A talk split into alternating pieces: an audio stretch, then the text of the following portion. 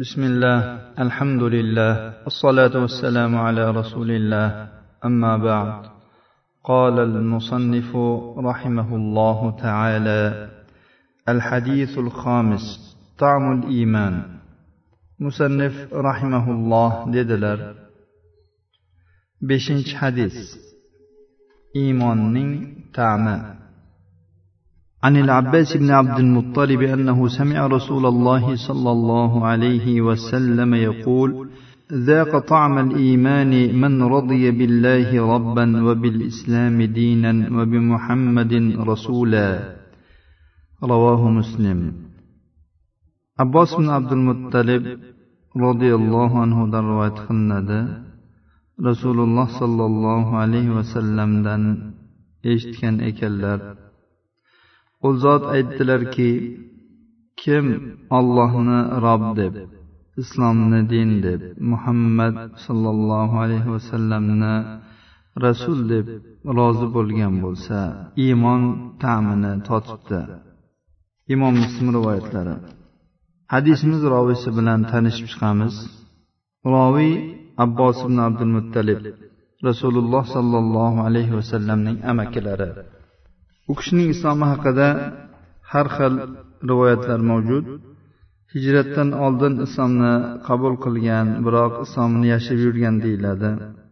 Badrga qavmi bilan birga chiqishga majbur bo'lgan va badr kunida asirga tushgan.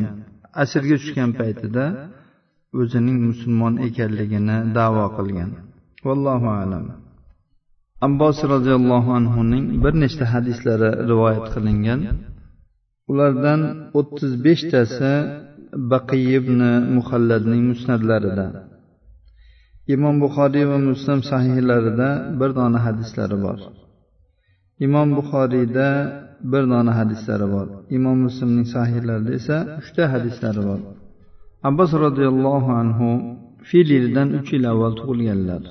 U qurashdagi eng bo'ydor va eng chiroyli kishi bo'lgan. Uning ovozi ham juda ham o'tkir bo'lgan. Shu bilan birga u halim va riosatga loyiq bir inson bo'lgan. Mug'ira abi razindan rivoyat qiladi dedi abbosdan so'raldi siz kattamisiz yoki nabiy sollallohu alayhi vasallammi? Shunda abbos aytdiki u zot kattaroqdirlar men esa u zotdan avval tug'ilganman. Bu rasululloh sollallohu alayhi vasallamga nisbatan odob. Ya'ni o'zlari yoshlari katta bo'lsa ham yoshlarini e'tibor emas rasululloh sollallohu alayhi vasallamni buyukroq kattaroq ekanligini e'tibor qilyaptilar. Abbosning odob axloqlaridan u qo'ni qo'shnilarni himoya qilardi. Qiyinchilik balo ofatlar kelib qolganda mollarini sarflab berardi. Uning johiliyatdagi eng yaqin do'sti abu sufyon edi. Ibn abbosdan rivoyat qilinadi dedi. Abbosni abul yusr nomli sahoba asirga oldi. Nabiy sollallohu alayhi vasallam undan so'radilar uni qanday qilib asirga oldingiz? U aytdiki menga uni asirga olishda bir kishi yordam berdi. Men u odamni o'shandan oldin ham ko'rmaganman keyin ham ko'rmadim. Uning ko'rinishi mana shundoq mana shundoq edi deb sifatlab berdi. Shunda rasululloh sollallohu alayhi vasallam aytdilarki siz abbosni asirga olishingizda sizga farishta yordam beribdi. Rasululloh sollallohu alayhi vasallamning qarindosh urug' va amakiga nisbatan tutgan o'rinlari. Nabiy sollallohu alayhi vasallam amakilari abbosga badrda asir tushgandan keyin aytdilarki ey abbos siz o'zingizni akangiz aqilni va navfal ibn horisni ittifoqdoshingiz otbat ibn juhdimni fidyalarini bering. Abbos fidya berishdan bosh tortdi va aytdiki men bundan oldin musulmon bo'lgandim. Ular meni majbur qilib olib chiqishgan. Rasululloh sollallohu alayhi vasallam aytdilarki sizni holatingizni alloh taolo biluvchiroq. Agar siz davo qilayotgan narsa haq bo'ladigan bo'lsa alloh taolo sizga mukofotingizni beradi. Ammo sizni tashqi ko'rinishingizdan siz bizga dushman bo'lib kelgansiz. Shuning uchun fidyangizni bering dedilar. Nabiy sollallohu alayhi vasallamni tutgan o'rinlari adolat insof muhabbat va ishfoqga juda ham to'la. Va qarindosh urug'chilik aloqalarini ulashlikni haqiqiy tadbiqlarini namunasidir. Rasululloh sollallohu alayhi vasallam abbos o'zi bilan birga yigirma o'qiya tilla olib kelganligini bilgandilar. Abbos aytdiki ey rasululloh mana shu molni meni fidoyimdan qilib hisoblang meni fidyamdan deb hisob qiling dedi. U zot aytdilarki yo'q unday qilmaymiz buni alloh taolo bizga siz bilan birga g'animat qilib bergan. Abbos aytadiki meni boshqa molim yo'q. Ya'ni abbos aytadilarki meni bundan boshqa molim yo'q. U zot aytdilarki ummul fazl bilan sizlar bilan hech kim bo'lmagan holatda makkada siz qo'yib qo'ygan mol qayerda? Siz aytgansizki agar men mana shu safarimda musibatlanadigan bo'lsam fazilga shunchasini berasan qusamga shunchasini berasan abdullohga shunchasini berasan degandingiz. shunda abbos aytdilarki sizni haq bilan yuborgan zotga qasam ichib aytamanki bu gapni ummul fazldan boshqa birorta odam eshitgan emas biror kishi bilgan emas.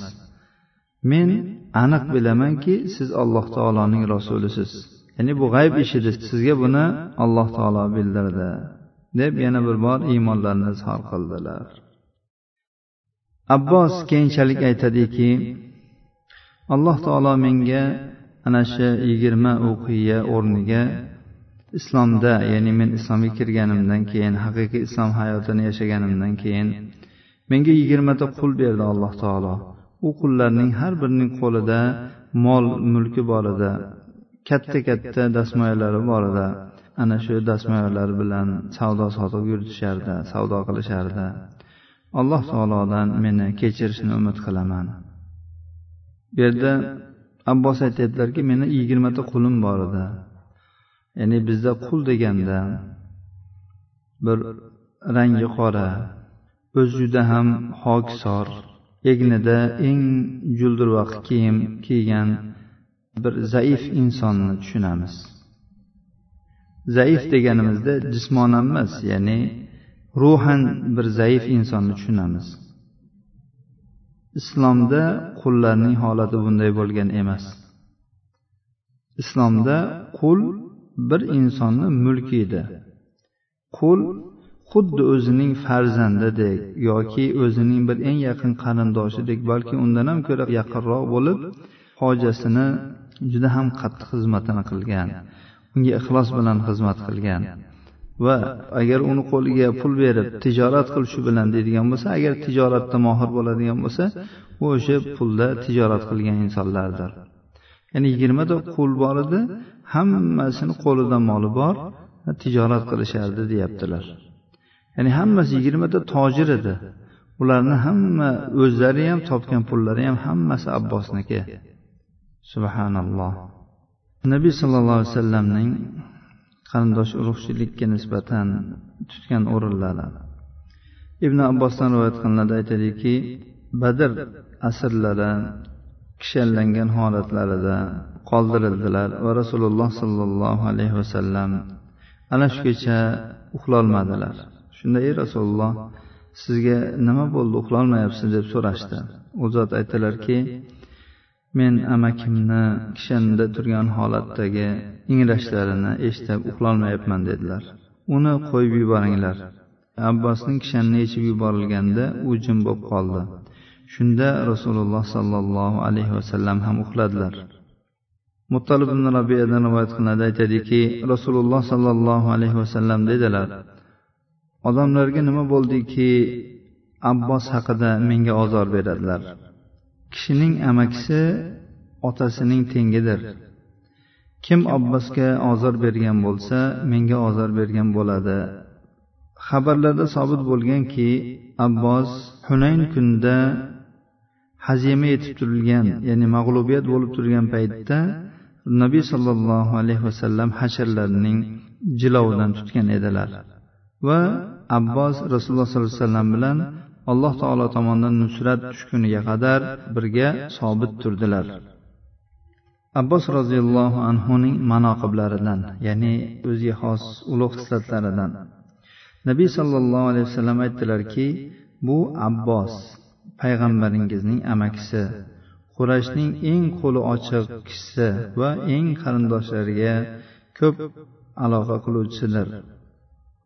Ibn umar roziyallohu anhudan rivoyat qilinadi dedi. Umar ramoda yilida abbos roziyallohu anhu bilan yomg'ir tilab duo qildi. Aytdiki ey olloh mana bu payg'ambaringning amakisi. Biz u bilan senga yuzlanamiz. Bizga yomg'ir bergin. Biroz o'tmasdan alloh taolo ularga yomg'ir yubordi. Abbos roziyallohu anhu sakson sakkiz yil hayot kechirdilar. o'ttiz ikkinchi hijriy yilda vafot etdilar. Usmon roziyallohu anhu uning janozasini o'qidilar va u baqiyga dafn qilindi. Hadisning sharhiga o'tamiz.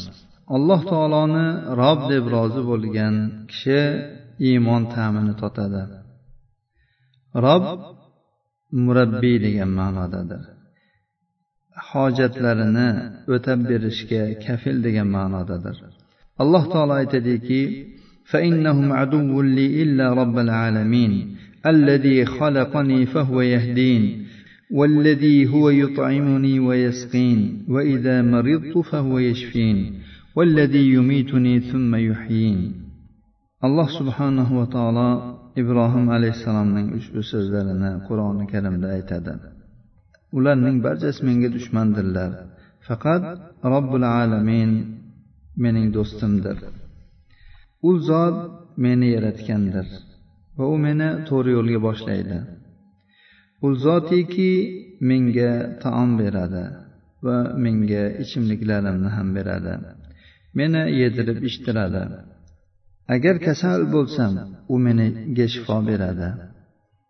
Meni vafot toptiradi so'ngra qayta tiriltiradi mana shu ma'noda yana alloh taolo aytadiki قل أغير الله أبغي ربا وهو رب كل شيء ayting ey muhammad sollallohu alayhi vasallam men alloh taolodan boshqa bir robni istayinmi u har bir narsaning robbi bo'lsa bu murabbiy ya'ni tarbiyat kunanda ma'nosida edi Endi sayyidar rais ya'ni xo'jayin boshliq degan ma'noda huva robbukum va ilayhi turjaun deyilgan.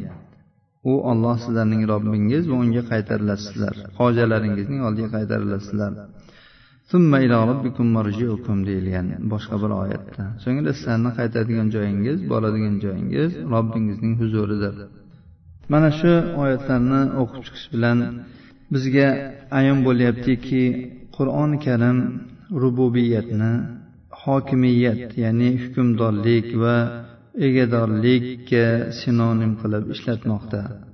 Va qur'oni karim bizga alloh subhanahu va taolo mana shu koinotning mutlaq hokimi egadori va sheriksiz yolg'iz buyruq beruvchisi deb sifatlamoqda.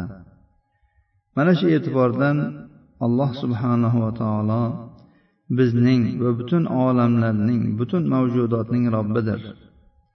Mana shu e'tibordan u bizning kafilimiz va bizni saqlovchimizdir.